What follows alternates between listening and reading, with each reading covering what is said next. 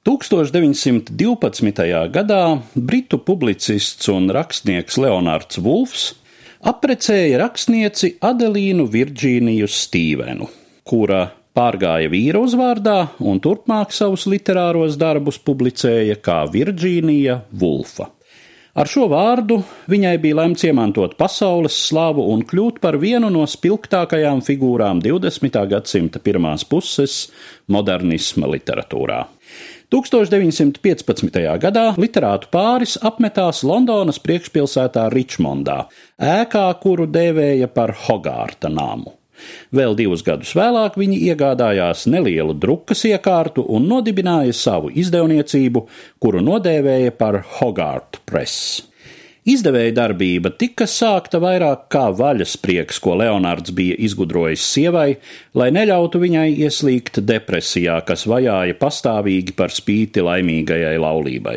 Tomēr apmēram desmit gadu laikā Hogārta press kļuva par nopietnu izdevniecību, kuras grāmatu klāstā bija Tomasa Sternza, Eliota un Katrīnas Mensfildas dzēja, Džona Mēnārda Kainsa un Litona Streičija apcerējumi par politiku un ekonomiku, Gorkija, Buņina, Dostojevska un citu nozīmīgu krievu autoru tulkojumi, un arī pašu izdevniecības īpašnieku Virģīnijas un Leonārda Vulfu darbi.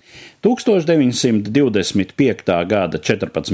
maijā Hogārta press laida klajā Virģīnijas Vulfas romānu Delovēja kundze pirmo autores izcilāko prozas darbu virknē, kuru vēlāk turpināja romāni Orlando, Uz bāku un apjomīgā esēja Sava istaba.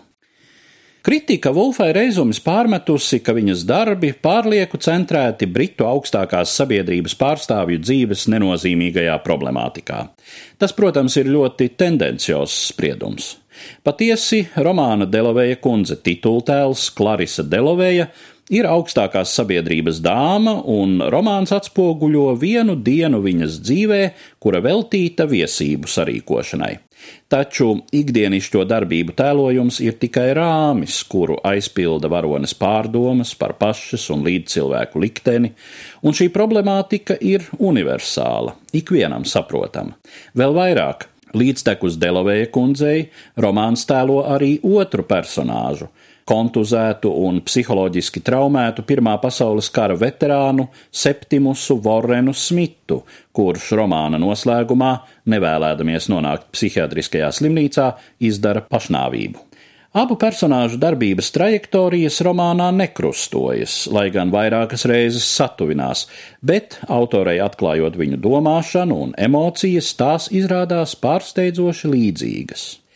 Un nav jau arī tā, ka romāns iztiktu gluži bez sociālās kritikas. Pagājušā gadsimta 20. gadu postviktoriāniskās britu sabiedrības tēlojums, cik tālu tas parādās romānā, nebūtu nav šai sabiedrībai glaimojošs. Tomēr nozīmīgākie romāna aspekti saistās nevis ar sociālām, bet fundamentālām indivīda eksistences problēmām.